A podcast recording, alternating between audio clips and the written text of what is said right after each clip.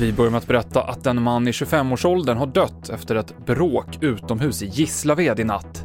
Polisen kunde få ett signalement på misstänkta gärningsmän från personer som befann sig på platsen och två män i 20-årsåldern kunde gripas i närheten.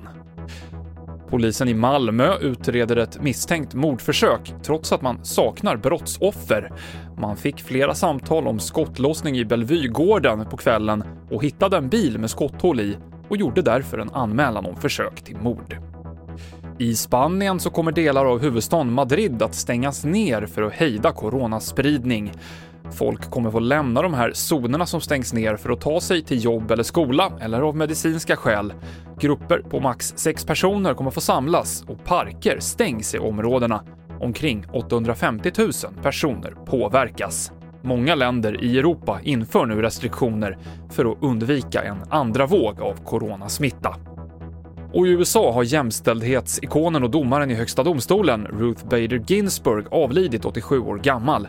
Vem som blir hennes efterträdare i Högsta domstolen kan få stor inverkan på USA framöver. Mer om det här på TV4 Play. Det här var TV4-nyheterna med Mikael Klintevall.